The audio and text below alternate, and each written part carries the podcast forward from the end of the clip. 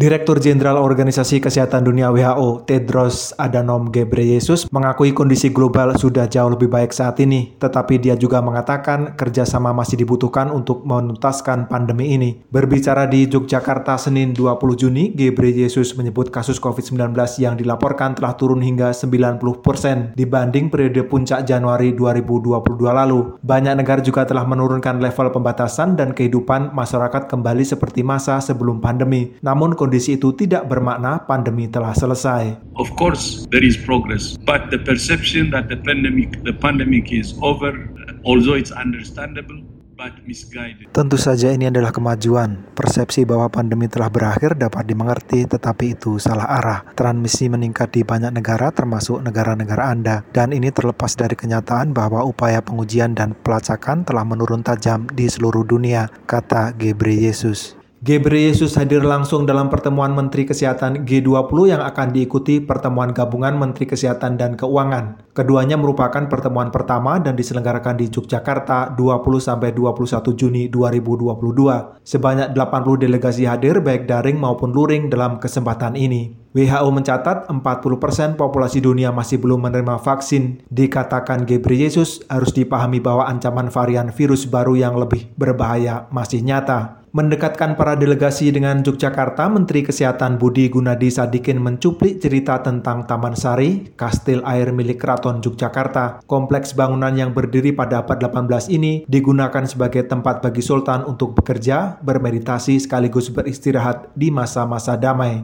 Taman Sari was built during normal time, not only to be used for its daily purpose. Taman Sari dibangun dalam situasi normal, tidak hanya untuk digunakan sehari-hari tetapi juga untuk mengantisipasi krisis di masa depan. Saat ini kita melihat dunia dengan pandemi yang mereda, kita harus memanfaatkan momen ini untuk membangun sistem kesehatan global yang lebih tangguh, kata Menteri Kesehatan Budi Gunadi Sadikin.